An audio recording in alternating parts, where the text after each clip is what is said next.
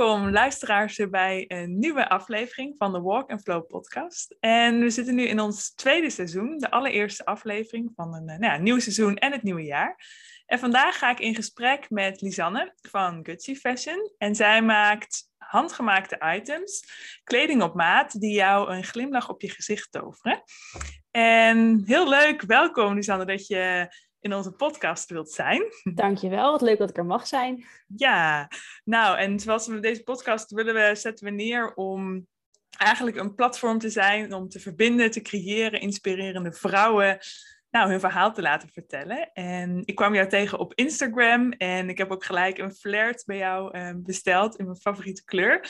En toen was ik wat meer over jou aan het gaan bekijken en dacht ik, hé, hey, dit is ook een hele leuke, denk ik, om nou, te gaan interviewen. Dus uh, ja, leuk. Ik ben heel benieuwd wat je allemaal van me wil weten. Dus uh, vraag maar raak. Ja, nou, ik ben eerst wel zo eens benieuwd waar jij nu bent en um, nou ja, of je kort iets over jezelf kunt vertellen. Uh, ja, dat kan ik zeker. Ik ben Lisanne, 23, mhm. ja, dat even denken, 23 jaar oud. Um, waar ik nu ben, ja, qua echt letterlijk de fysieke plek waar ik ben, um, is in Amersfoort, uh, in mijn eigen huis. Um, ik heb hier ook mijn atelier, dus ik heb een atelier aan huis, waardoor ik heel veel kan maken en werken. Mm -hmm. Dat doe ik dan ook graag. Um, en waar ik ben in mijn bedrijf is misschien ook wel interessant om te zeggen. Um, ik ben net overgegaan van vier dagen loondienst en daarbij een paar, nou ja, een paar dagen eigenlijk nog wel. Ik denk uh, zo'n twee, twee dagen en een paar avonden Gutsy daarnaast. Mm -hmm. Naar uh, drie dagen loondienst, twee dagen Gutsy en nog een paar avonden en wat uurtjes in het weekend. Dus ik ben aan het proberen om een beetje die um, ondernemer, parttimer rol voor mezelf vorm te gaan geven. Wat tof, ja. Zeker, nou, dat denk heel tof. Ja, en dat is ook waarin we juist nieuwsgierig naar zijn, hè, om dat stukje ondernemerschap uh, naar voren te brengen. Van hoe doe je dit, waar kom je vandaan en nou ja, wat, wat is je droom? En ik las op jouw site dat je zei, je wilde eigenlijk altijd als klein meisje een modemerk hebben. Ja. Uh, kun je daar eens wat meer over vertellen hoe die droom is ontstaan, of hoe je daarbij bent gekomen? Oh ja, ik weet dus nog dat ik, ik denk dat ik in groep 5 zat van de basisschool. En toen kreeg ik de opdracht dat ik moest opschrijven wat ik later wilde worden. En uh, toen schreef ik op, later word ik modeontwerper, draag ik grote oorbellen en hoge hakken. Nou, hoge hakken, uh, daar kan ik niet op lopen. Dus die droom is uh, in, in het niet gegaan. Ja. grote oorbellen hou ik niet van. Maar dat modeontwerperstukje, dat is altijd gebleven. Mm -hmm. um, en ik denk dat het een beetje komt dat mijn moeder mode en kleding heeft gestudeerd. Um, dus die maakte vroeger altijd mijn kleding. En die had een naaimachine. En die heeft op dit moment ook nog een atelier um, in wiegbekleding. Mm. Um, en ik durf wel te zeggen dat ze de aller, aller, aller, aller, allerbeste in heel Nederland is daarin. Mede door haar expertise op het gebied met die, ja, met dat echt dat ambacht. Mm. En ik vind dat gewoon heel interessant. Mm. Dus zij heeft mij leren naaien. Um, op een sneller tempo dan dat zij dat voor zich had gezien. Want ik wilde al vanaf moment één dat ik dat ding aan kon raken achter die naaimachine. Um, maar naaimachines zijn best gevaarlijk voor jonge meisjes. Dus dat mocht nog allemaal helemaal niet. Um, dus ik ben echt op een gegeven moment gewoon gaan voor haar gaan forceren. Van nu wil ik ook. En nu wil ik ook leren hoe het werkt. en ja, daar is een beetje die passie ontstaan. Dus ik denk dat ik sinds mijn elfde, twaalfde een eigen naaimachientje heb. En toen dacht ik wel van, oh, maar nu kan ik echt dingen gaan maken. En ik heb gewoon heel erg veel ja, passie voor dat maken. Het is het aller, vind ik echt het allerleukste om te doen. En dingen maken die iemand anders daardoor niet heeft. En iets unieks maken. Um, iets maken wat perfect bij mijn lichaam past. Uh, ik heb een lichaam wat niet echt um, in de winkel wordt gerepresenteerd, naar mijn mening. Um, en ja, daardoor dacht ik, nou ja, dan ga ik het wel zelf doen. Dus ik ging zelf jassen maken, eigenlijk alles wat je kunt bedenken. Um, ik droeg ook al heel snel eigen gemaakte creaties naar school. En dan maakte ik speciaal voor mijn verjaardag een rokje. En dan hing dat al weken klaar aan de kast voor die datum. Um, dus ja, dat mode maken zit er eigenlijk echt vanaf kleins af aan al in. Um, en daarin merk je gewoon dat die passie steeds verder is gegroeid. En dat ik steeds meer dacht van ja, maar dit wil ik altijd, voor altijd doen. Mm-hmm. um, dus ja, ik zei vroeger ook wel eens, ja, ooit word ik Old J Girls. Nou is die natuurlijk uh, geklapt. Ehm, dus dat was ook nog een ding toen die klapte zijn moeder. Oh help, daar gaat je voorbeeld. Ja. maar dat, eh, die had ik al niet meer nodig, want ik wist zelf al heel goed wat ik wilde doen. Hmm. Maar ja, dus uh, ik denk dat het wel een diep gewortelde droom is om het te doen. Ja. En als je heel zwart-wit kijkt, dan is het eigenlijk gewoon al gelukt. Um, maar ja, voor mij nog niet helemaal. Dus ik wil verder en verder en meer en meer. Ja, die droom verder uitzetten. En hoe, want hoe is het dan begonnen? Want je hebt dus eigenlijk vanuit je moeder misschien die technische dingen. Heb je daarin dan ook Mhm. volgens mij nog een opleiding gevolgd? Want je zegt, ik heb ook nog een andere baan. Doe je daar dan ook dit? Of ben je met hele andere dingen bezig? Nee, ik heb kunst en economie gestudeerd. Ehm, ik heb wel toelating gedaan aan de instituten met, eh, eh, ja, voor mode maken. Dus ehm, het Fashion Instituut en dergelijke. Eh, maar ik ben dus veel te commercieel. Als ik iets bedenk, dan heb ik iets in mijn hoofd, dan maak ik dat. En dat is dan mijn creatief proces. En zo'n instituut, dat wil dat je zes keer met een schetsboek net even een ding dat, dat verandert en dat verandert en dat verandert. Uh, maar dat vind ik helemaal niet leuk. Uh, want ik wil gewoon iets bedenken en iets maken en klaar ermee. Hmm. Um, dus dat was niet echt een hele goede match tussen mij en de kunstacademie instituten. Um, maar er was blijkbaar ook een opleiding kunst en economie, uh, waar je dus uh, eigenlijk dat ondernemerschap leert, maar dan wel met dat kunst hand in hand. Dus um, ook heel erg over sociale aspecten. Dus hoe kun je ondernemen en daarin heel erg het sociale aspect meenemen. Um, dus dat heb ik gedaan. Dus niet zozeer echt een modemaakopleiding. Ik heb dat echt allemaal mezelf aangeleerd en met, door het gewoon duizend keer te doen en door mijn moeder alle uh, uh, technische aspecten uit te vragen. Mhm. Um, maar ja, ik heb dus dat gedaan en daarmee heb ik me gespecialiseerd in een beetje het marketing en branding uh, vakgebied. Mhm. en werk ik nu voor een stoffenwinkel, um, budgetstoffen.nl. Uh, en daar ben ik uh, marketeer voor. Um, dus daar doe ik eigenlijk alle marketingaspecten. Um, dus ja, dat is ook wat ik zo leuk vind aan on kunnen ondernemen, is dat ik daar ook echt al die aspecten kan toepassen. Dus eigenlijk echt precies waar ik voor ben opgeleid, kan ik daar allemaal in meenemen. Ja. Um, dus ja, maar ik doe dus eigenlijk ook, ik doe alle dagen iets met stof. En dat is echt stofjes, dat is gewoon, zet mij in de stoffenwinkel en ik kom niet zonder iets thuis. Dat is gewoon een gegarandeerd uh, mislukking, uh, poging. Ja, het is een combinatie. En is dat dan ook, um, heb je dan bepaalde patronen? Of is het alle patronen? Heb je daar een voorkeur? Of hoe, uh, heb je daar dan een bepaalde stijl in misschien ook? Omdat je zegt, nou, ik maak wel items die uniek zijn. Ik heb iets in mijn hoofd, ik maak het. Mm -hmm. um, kun je dan wat, daarin wat meer omschrijven? Misschien over jouw stijl of wat jij dan maakt met die stof? Ja voor mij kan het niet, zo, kan niet kleurrijk genoeg, uh, vaak. En ik hou gewoon, ja, ik word vaak, mijn aandacht wordt vaak getrokken door een stof. Ja. Um, en dan ga ik daar iets omheen bedenken. En waar heel veel mensen um, missen, wat dus de manier is zoals het wordt geleerd, hoe je ontwerpt. Um, is dat je dus eerst helemaal gaat denken, oké, okay, wat wil ik maken? Uh, wat voor een item wil ik maken? En aan de hand daarvan ga je dan stof zoeken die daarbij past. Maar ik doe het net andersom. Ik ga naar de stoffengroothandel, neem ik mama mee. En dan zeg ik, nou, uh, wat vinden we leuk? En dan ga ik overal gewoon kijken. En dan trekken bepaalde prints of bepaalde materialen of um, ja, bepaalde kleuren trekken mijn aandacht. Dat koop ik dan. En dan ga ik er eens naar zitten kijken. En dan denk ik, ja, wat ga ik er eigenlijk van maken? Uh, al is het vaak als ik het zie, dan weet ik het meteen. En dat idee blijft dan en dat wordt het uiteindelijk ook. Dus ik heb eigenlijk gewoon een versneld proces. En andersom. Maar ik doe altijd alles graag tegen draads. Dus dat past ook wel heel erg goed bij hoe ik eigenlijk alles aanpak uh, in het bedrijf. Dus ja, ik denk dat het vooral gewoon graag kleurrijk is. Um, en graag net even anders. En zo ben ik niet begonnen trouwens hoor. Ik ben wel heel mainstream begonnen. Um, en ik merkte dat dat niet zo goed aansloeg. Uh, en toen ben ik echt op, deze, op dit pad gegaan. En toen gebeurde er wat. Toen gebeurde er wat in mijn onderneming. En toen gebeurde er wat met mijn um, verkopen. Allerbelangrijkst. Um, toen ging ik het ineens verkopen. En toen dacht ik, oh, wat gebeurt hier nou eigenlijk? En toen merkte hij dus dat zodra ik mijn eigen stijl achterna ga... en niet zozeer ga denken aan wat wil iemand kopen... Um, maar toch wel een beetje die, echt die creativiteit ga opzoeken, dat het dan juist heel erg nou, goed gaat, eigenlijk. Hmm. En ik heb natuurlijk ook uh, items ertussen zitten, of type items ertussen zitten, waarvan ik gewoon weet dat het een succes zal zijn. Maar ik probeer ook altijd wel heel erg te. Ik verkoop eigenlijk niks wat ik zelf niet zou dragen. Oké, okay. ja. Ja, en is het dan ehm, dat, het, dat je, sta je daar dan voor een bepaald moment, ik verkoop niks als ik er zelf niet achter sta, bedoel je dan meer de, de vormen of de kleuren, of kun je daar wat meer over zeggen, wat jouw doel is, eigenlijk jouw missie met jouw kleding? Ja, nou, daar heb ik dus over na zitten denken, want dat zijn natuurlijk altijd dingen van, ja, missie en visie is natuurlijk heel moeilijk om te vatten eigenlijk, wat je missie is.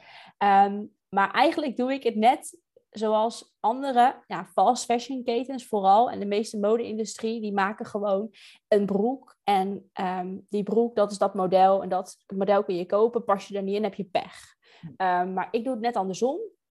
Zeker met de flares, en dat is ook het product wat ik het meest verkoop.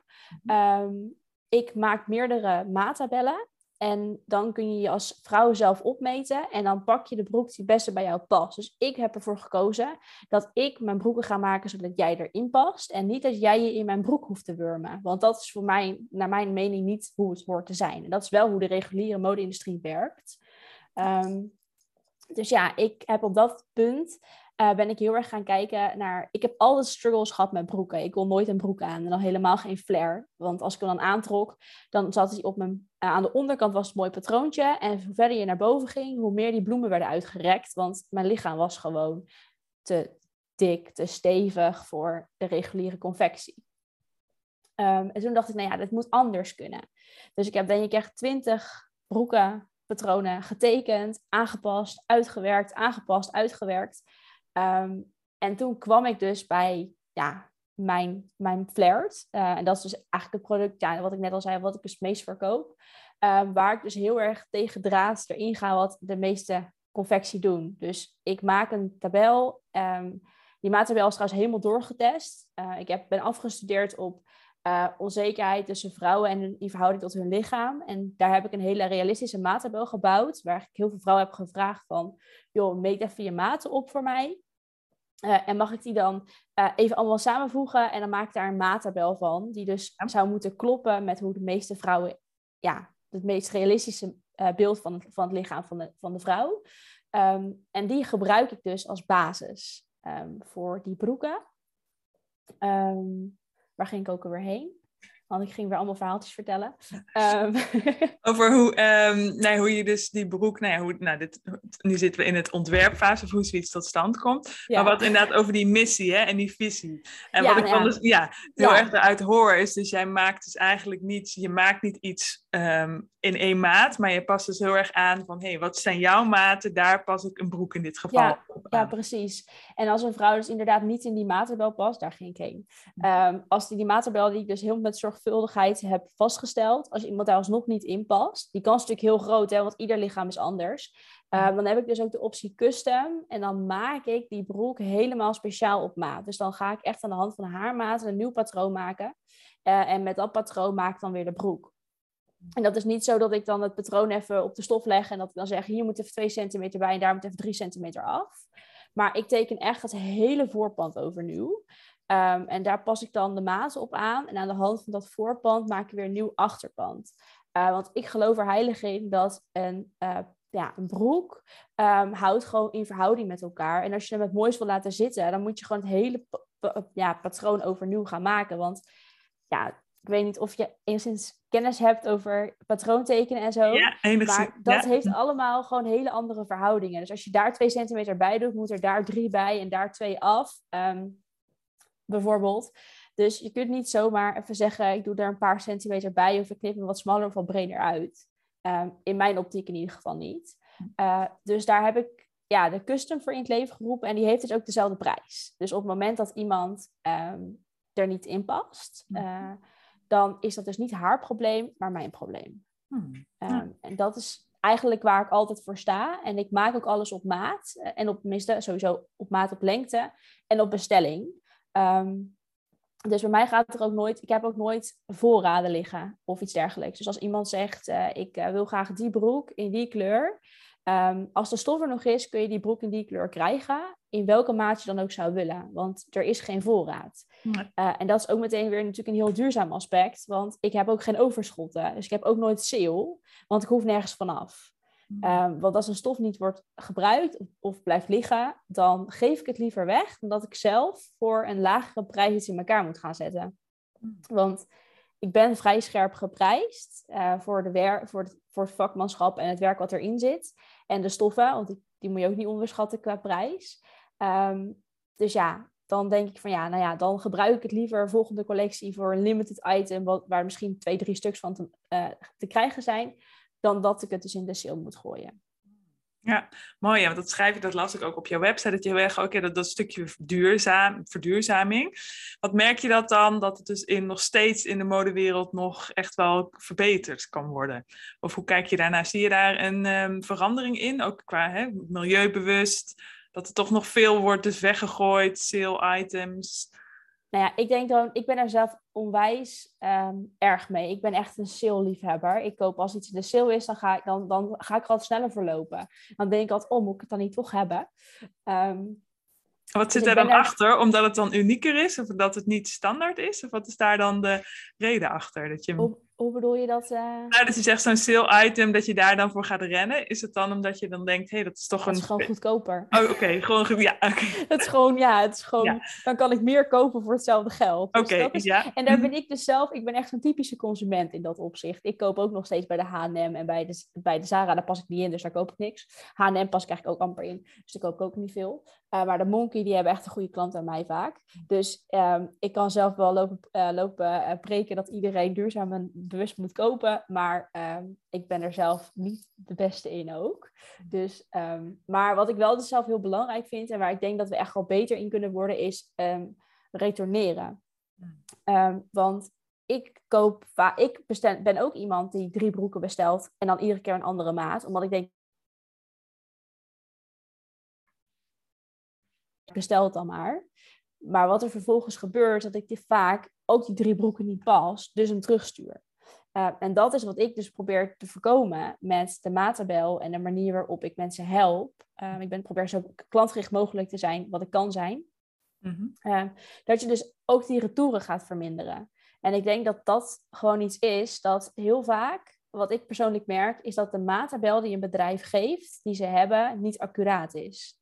Dus um, als je dan zegt, joh, eh, als je deze en deze maat koopt, met deze en deze lichaamsmaten, dan pas je daarin. Dat is vaak helemaal niet zo. Want de ene broek is smaller, de andere broek is breder. En zelfs dezelfde maat, als je die allemaal naast elkaar legt. Ik heb bij de Miss Etam gewerkt en dan trokken we gewoon drie broeken uit het rek van dezelfde maat. En er zat gewoon onderling verschil tussen. Dus de ene paste je wel en de andere paste je niet. Hmm. Het is maar net ook hoe vaak iemand hem heeft aangetrokken, bijvoorbeeld. Of ja, je erin komt of niet inkomt. Ja. Um, dus ja, daar Hmm. Daar zie ik echt wel iets wat denk ik niet goed gaat. En wat ik dus heel erg probeer te voorkomen. En wat ik ook moet voorkomen. Want als je alles op bestelling maakt, dan ieder broek, ieder item wat ik maak, gaat twee uur, en iedere flirt gaat twee uur van mijn eigen tijd inzitten. Dus gaat twee uur van mijn tijd inzitten. En ik heb ook maar 24 uur per dag. Dus als iemand dan dat roekeloos terugstuurt, dan um, ben ik twee uur kwijt. En ik kan die broek vaak niet sneller meer doorverkopen, omdat natuurlijk iedereen natuurlijk een andere maat. Ja. Um, dus ja, ik probeer daar zo super bewust mee bezig te zijn. Juist ook omdat als ik dat niet zou doen, mijn bedrijf gewoon geen bestaansmogelijkheden heeft. Ja. Ja, het is mooi dat je zegt, hè, je, je, je passie, maar ik hoor ook heel duidelijk wel die, dat zakelijke stuk, maar ook nou, het stukje in dit geval, hè, milieustuk. Um, en als je dan, ik was nog wel benieuwd, want je zegt, nou ja, ik moet toch, ik maak wel ontwerpen of je hebt die uh, patronen. Dat is dan dus best wel dat technische stukje. Vind je dat dan, dan toch wel leuk? Of dat je zegt van, nou, de stof, daar ga ik op los. Ik heb een mooi printje. En eerder wat je zei over schreef over de opleiding, van nou, daar matchte ik niet. Maar doe je, kun je dat dan wel doen? Of is dat ook een ding dat je denkt, nou, dat ligt me niet? Of is dat het ontwerpen? ik vind dat ontwerpen dus het allerleukst. Oké, ja. mijn vriend zegt ook wel eens van, ja, op een deur moet je misschien maar iemand gaan zoeken die dat naaien voor je kan overnemen. Want als ik de hele dag alleen maar achter die naaimachine zit om hetzelfde product te maken, dan vind ik het op een gegeven moment niet meer zo leuk.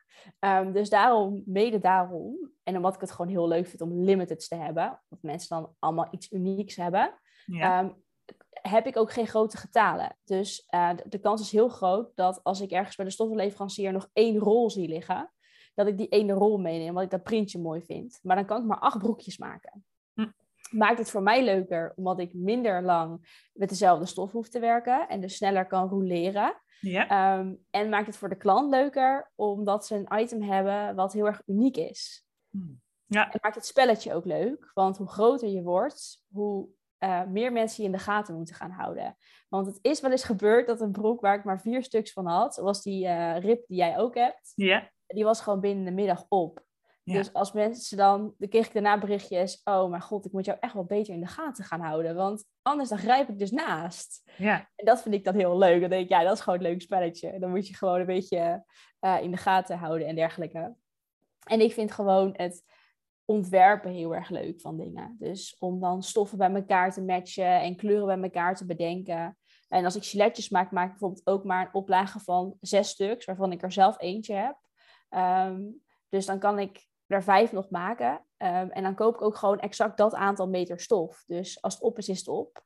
Um, maar daardoor ga ik ook wel vaker, er komt ook vaak iets nieuws bij mij. Dus het is niet zo dat ik um, met de collectie uh, dingen meega. Dat ik in maart iets uh, voor de zomer lanceer en in oktober, november iets voor de winter. bij mij komt er vaak dan iets, maar er komt ook tussendoor nog van alles. Waardoor het voor mij leuker blijft en ik denk voor de klant ook. Ja, ja.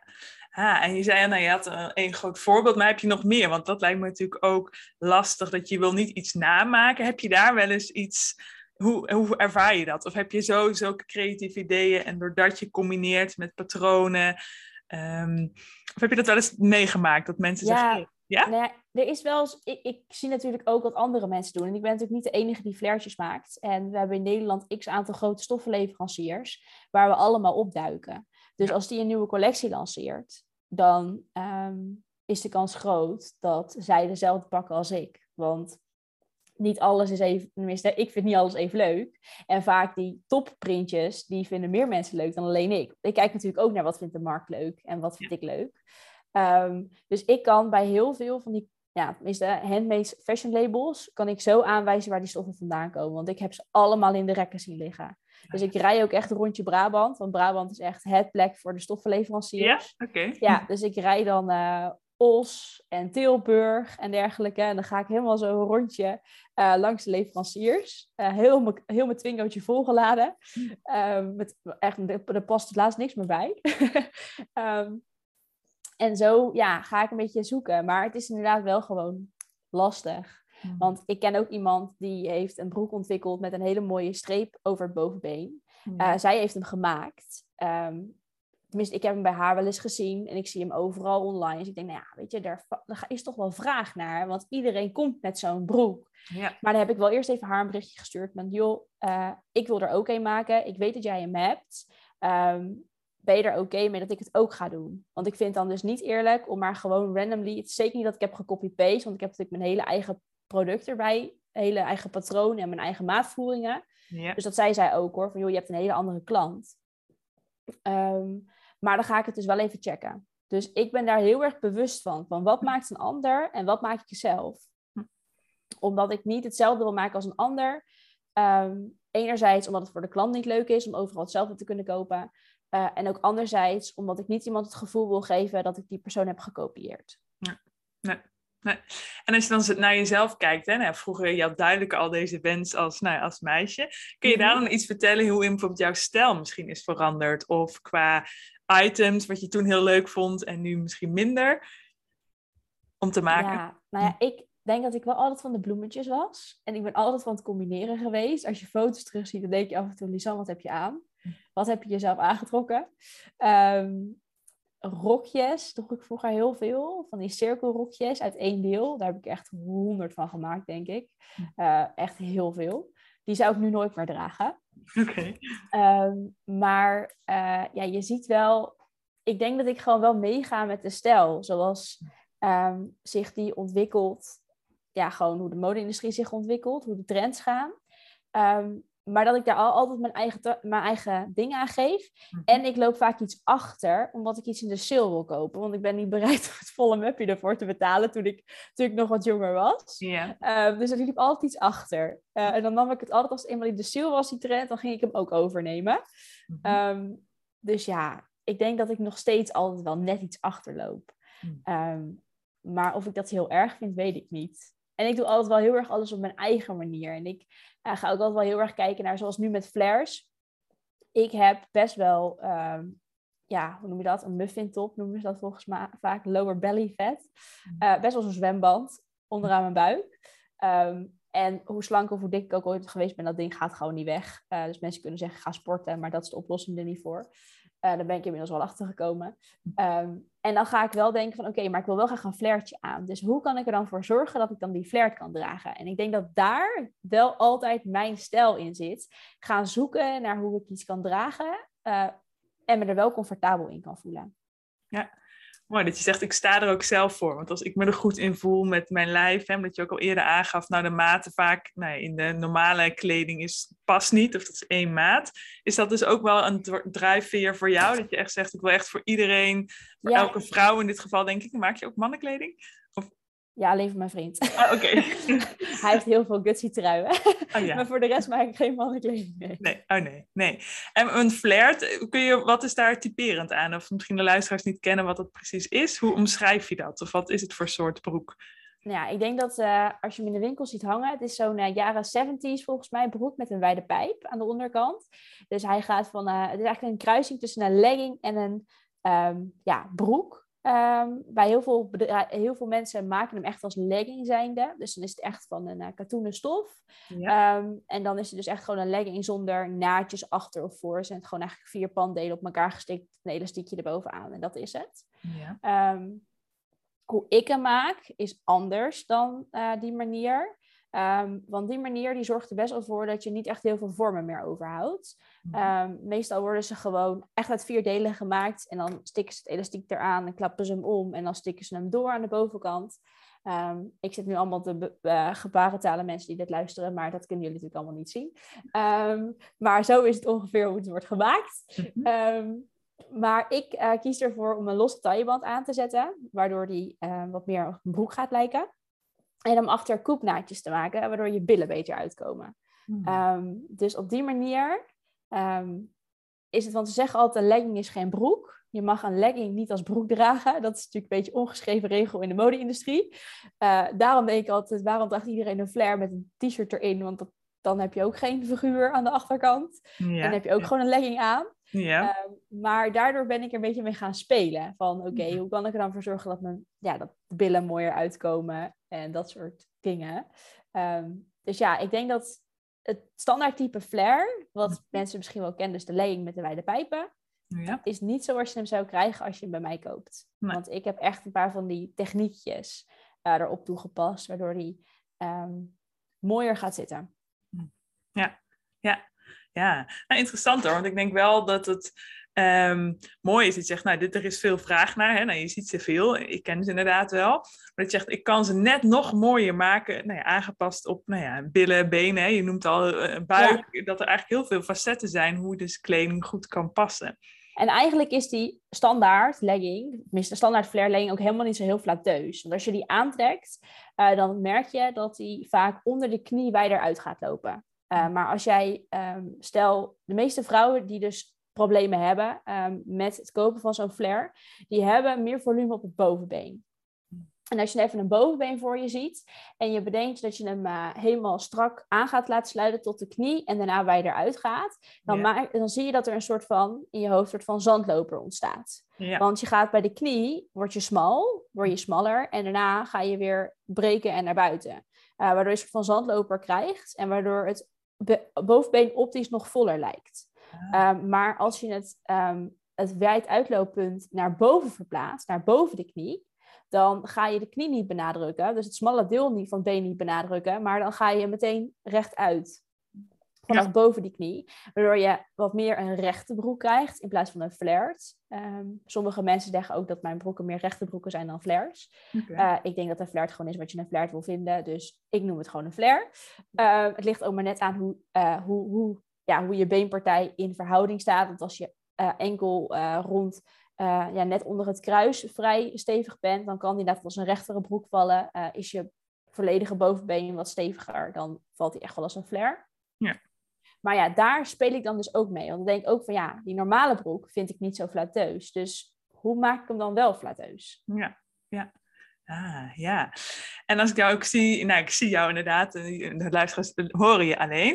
Um, en als je dan zo kijkt nu, je zegt al, mijn droom is eigenlijk al werkelijkheid geworden. Ik ben langzaam hè, wat meer mijn loondienstbaan uit aan het gaan om echt, nou ja, mijn bedrijf uh, voor mezelf te gaan doen. Hoe ziet dan bijvoorbeeld je toekomst? Want je, nou ja, bijvoorbeeld als je dan kijkt naar modehuizen, heb je echt een soort van wens om een heel, ja, hoe, hoe kijk je daar tegenaan? Wat heb je dan eigenlijk nog voor dromen?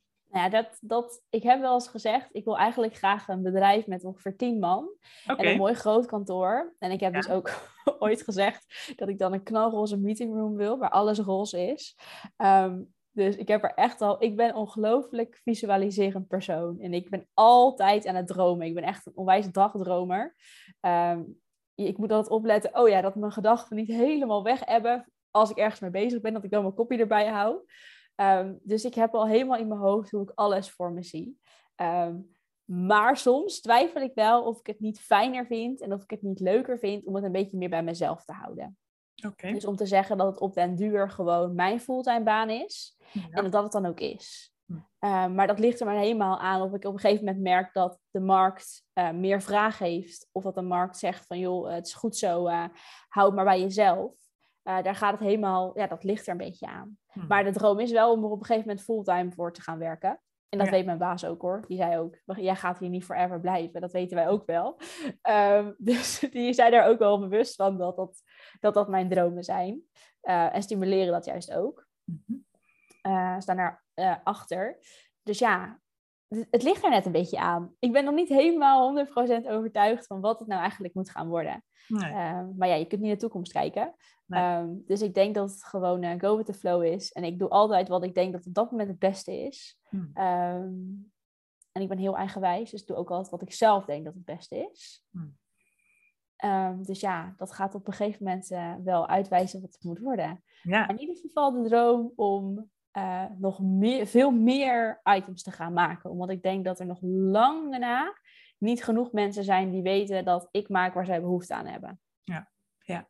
Ja, nou, ik denk dat het zeker ook mooi is. Ook nou, als je vanuit verschillende facetten, het is A, duurzaam, maar ook iedereen draagt echt kleding waar hij zich echt goed in voelt, echt op maat. En dat je denkt, ja, dit past mijn lichaam gewoon. Niet dat, ik, dat je je misschien onzeker voelt doordat je niet past wat de mainstream misschien past. Hè? Of nou ja, niet misschien de mainstream.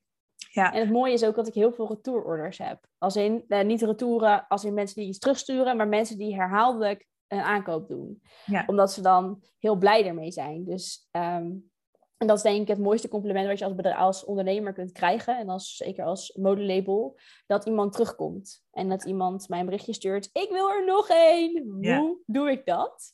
Um, dat vind ik altijd het allermooiste compliment. Dus ik vind, ja, uh, ja ik ben met iedere order ongelooflijk blij, maar een herhaalorder, dan denk je toch wel, nil dit. Hè? Deze, deze, deze wil er nog één. Dat is toch wel een heel groot compliment. Zeker, ja, want dan hebben ze hem echt gewoon gevoeld, gepast. En dan denken ze, dit is het. En ik wil ja. uh, ja, ja. En zeker met de customs ben ik gewoon altijd heel blij als het gewoon precies is wat ze wil. Ja. En het is voor mij geen verschil tussen, het, tussen een custom en een uh, standaard reguliere maat in maken. Of hoe blij ik ermee ben, of wat dan ook. Um, maar het heeft toch altijd in de terugkoppeling net dat beetje extra als die dan wel echt helemaal perfect zit. Ja. Dus ja. Uh, ja. ja. En hoe, ik ben nog wel benieuwd, hoe is jouw naam ontstaan? Hoe, dat is misschien ook het creëren. Hè? Je bent volgens mij een creatieve duizendpoot. Kun je daar nog iets over vertellen? Van hoe is dat ontstaan? Ja, die credits liggen dus bij mijn vriend. Oké. Daar is hij altijd heel erg trots op. nou, bij ehm, deze. nee, we hebben op een gegeven moment, um, tijdens mijn afstuderen, uh, toen um, koos ik ervoor om een platform te ontwikkelen voor vrouwen die dus onzeker waren over hun lichaam. En daarbij hebben we een broekenfilter gemaakt, waarbij je je maten kon opmeten. Ja, toen kwam het al, maten opmeten en tabellen en zo. Uh, en dan kon je dat invoeren en dan gaf ik je advies of je een high waist, een mid waist of een low waist moest hebben. En of je een flared pijp of een skinny of wat voor een broek je dan ook moest kopen. Oké. Okay, Wat jouw lichaam dan het mooist zou vallen. Ja. Uh, maar ja, daar moest je natuurlijk een naam voor hebben, voor dat platform en voor die filter. Um, en toen gingen we zoeken naar synoniemen. Um, want we wilden een synoniem voor uh, lef tonen, uh, durven jijzelf te zijn. En toen kwamen we op gutsy, want dat was een synoniem voor uh, having guts. Dus ja, ja, lef tonen en dergelijke. Dus toen kwamen we daarop en hij riep dat gutsy. En ik zei, ja, dat is hem. Dat is hem gewoon. Dus ah. heb ik hem ook gewoon hebben we ook meteen vastgelegd. Dus toen was het, ja, dat moet het worden. En die filter, daar ben ik gewoon mee afgestudeerd. Ik ben daar zo in één keer doorheen gelopen. Um, dus uh, dat was super tof om te doen. en daarna, ik had op dat moment nog een ander bedrijfje. Mm -hmm. um, ik maakte plantentasjes. In de, ja, is het echt in de interieur, um, handmade interieur items. Okay. Um, maar ik merkte dat dat niet meer zo goed deed. Dat ik daar echt letterlijk werd ingehaald door de concurrentie. En dat ik had het veel te laag in de markt gezet.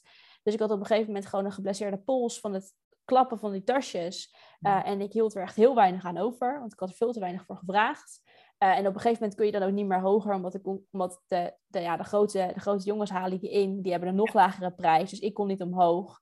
Uh, en ik werd ingehaald. Ja. En toen dacht ik van ja, nu is de kans. Het is nu of mijn optiek nooit. Dat is natuurlijk helemaal niet waar. Maar toen dacht ik, het is nu Ja. of nooit. Ja. Uh, nu ga ik ervoor. Mm. Dus toen heb ik het uh, plan wat ik destijds had gemaakt overboord gegooid.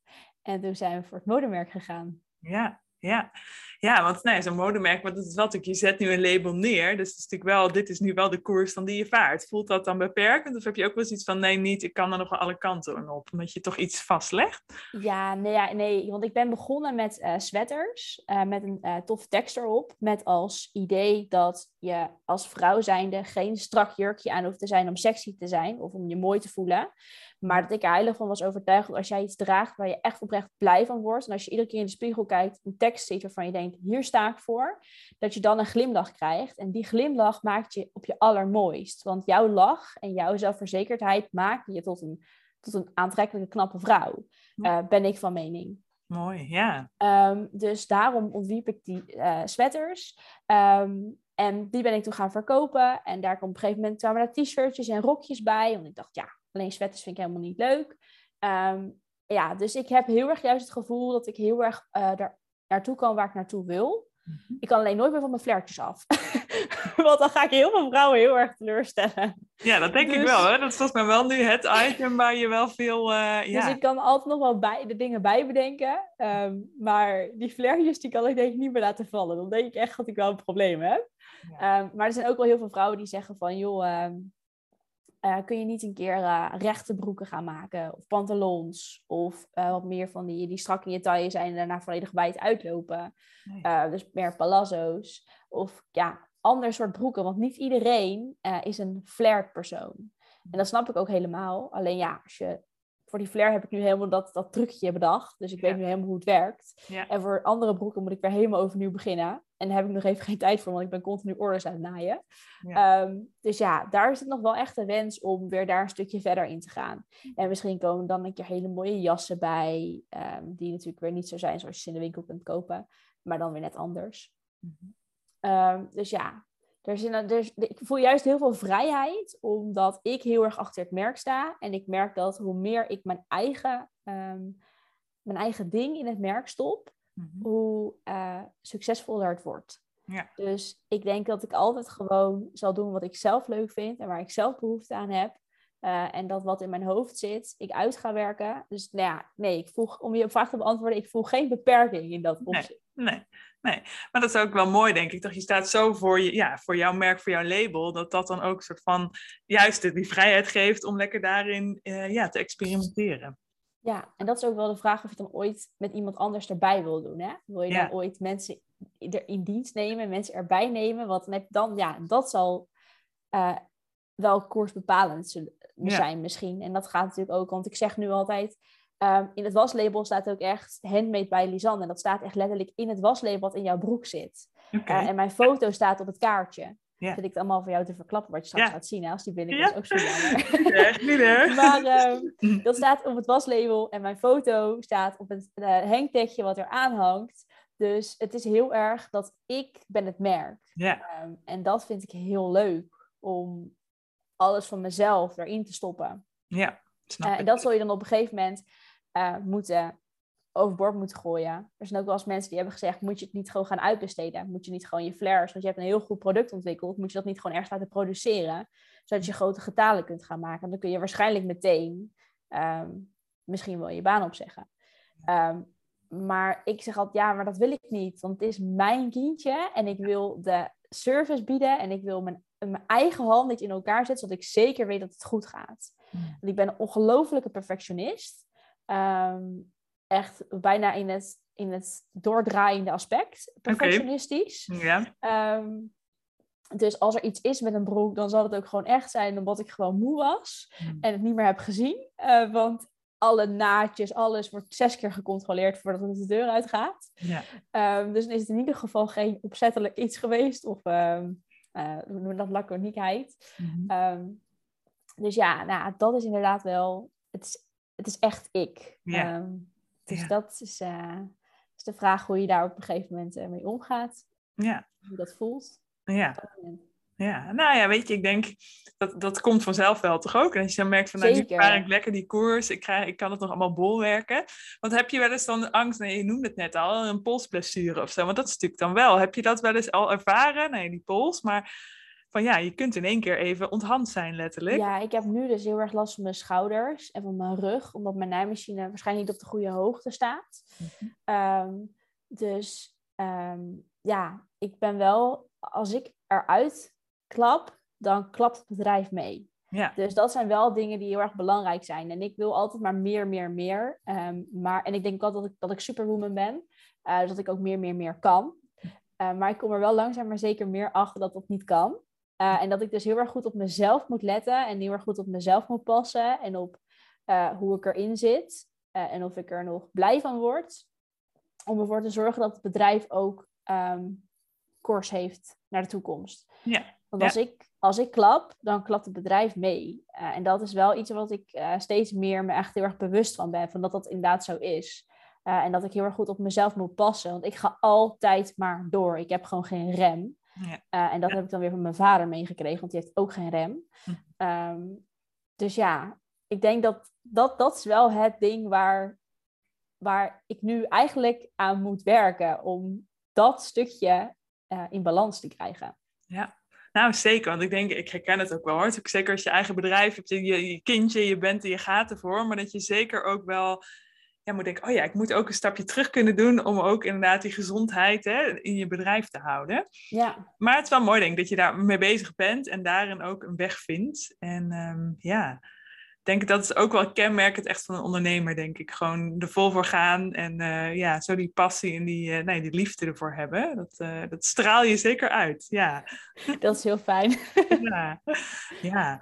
En als je dan, als we nou even weer teruggaan naar het begin van het gesprek, je was dus een klein meisje daarmee bezig. Heb je bijvoorbeeld nog tips voor de luisteraars als je zegt van nou, wil je ook leren naaien, ontwerpen? Heb je leuke tips om wat mensen kunnen volgen? Nou, jou, jou volgen, dat is denk ik sowieso wel een goede, maar kun je nog iets aan de luisteraars meegeven? Al misschien een ondernemerstip of gewoon vanuit jezelf?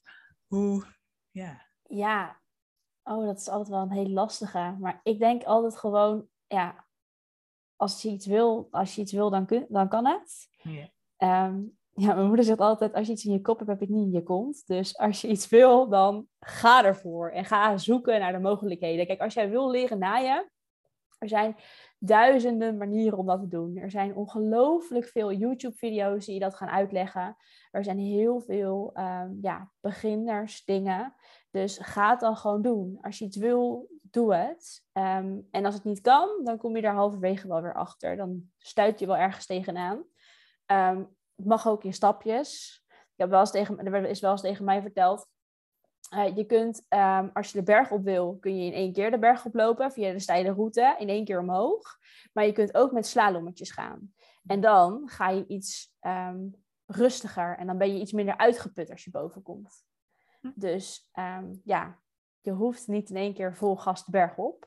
Dat is altijd voor mij een ding, want ik ga altijd liefst in standje drie- 3000 de berg op. Ik ben echt Max Verstappen de berg op, als eh, dat zou kunnen. Mhm. Ehm, maar ja, ja, dat is denk ik mijn aller... Hmm. Iets wat ik, waar ik altijd heel erg voor sta. Als je iets wil, ga er dan voor. Ja. Eh, want ja, je zult nooit weten of het kan als je het niet hebt geprobeerd. Nee, mooi. Ja. ja, dat is inderdaad wat je gaan en zien. En ehm, ja, je Ja. passie achterna. Je droom in dit geval. Hè? Met volle angst vooruit is het ook vaak. Volle hè? Want angst ik vooruit. vind dingen ook heel eng. En ik ga mijn prijs nu ophogen met een tientje. En dan denk je soms, ja, wat is dat ene tientje nou? Maar voor mij is dat tientje belangrijk. ehm, want dat scheelt toch heel veel geld. als ik heel veel van die orders achter elkaar verkoop. Ehm, maar ja, dat vind ik dan doodeng. En ik ga er dan heel lang over piekeren en heel lang over twijfelen. Maar achteraf denk ik dan, ja, als ik het nu niet probeer, als ik het niet probeer, dan weet ik het ook niet. En ik heb dat tientje nodig om er een, uh, uiteindelijk een fulltime baan van te kunnen maken. Minimaal dat tientje. Dus als ik het nu niet probeer, dan ga ik altijd denken, ja, gaat het ooit wel lukken? Terwijl als ik het nu gewoon doe, dan weet ik of het gaat lukken.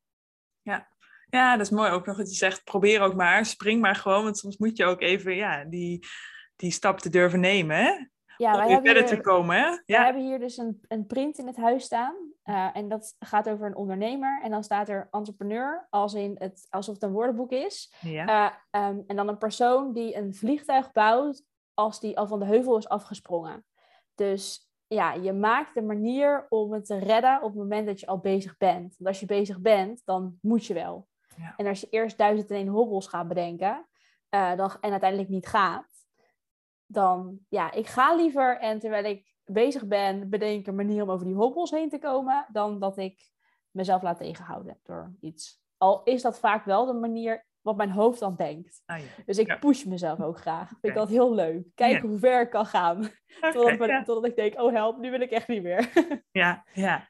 Ah, mooi. Ik denk leuk om dat inspirerend om zo te horen van hoe je nou, als ondernemer daarmee struggelt, maar ook nou, wat ik al eerder zei, wat jij ook steeds zegt van ga maar gewoon proberen het. En uh, als je erin gelooft, dan is er altijd wel een weg. Dat, uh, ja. Zeker. Ja. ja. Nou, hartstikke bedankt voor dit inspirerende gesprek. Voor de luisteraars ook alle informatie komt in de show notes te staan. Dus uh, dan kun je Lisanne haar website en social media vinden. En ja, ik ben heel benieuwd. Ik kan, ik kan niet wachten op mijn uh, flirt. Dus ja, daarvoor ook heel erg bedankt. En ja mooie gesprek. Graag gedaan.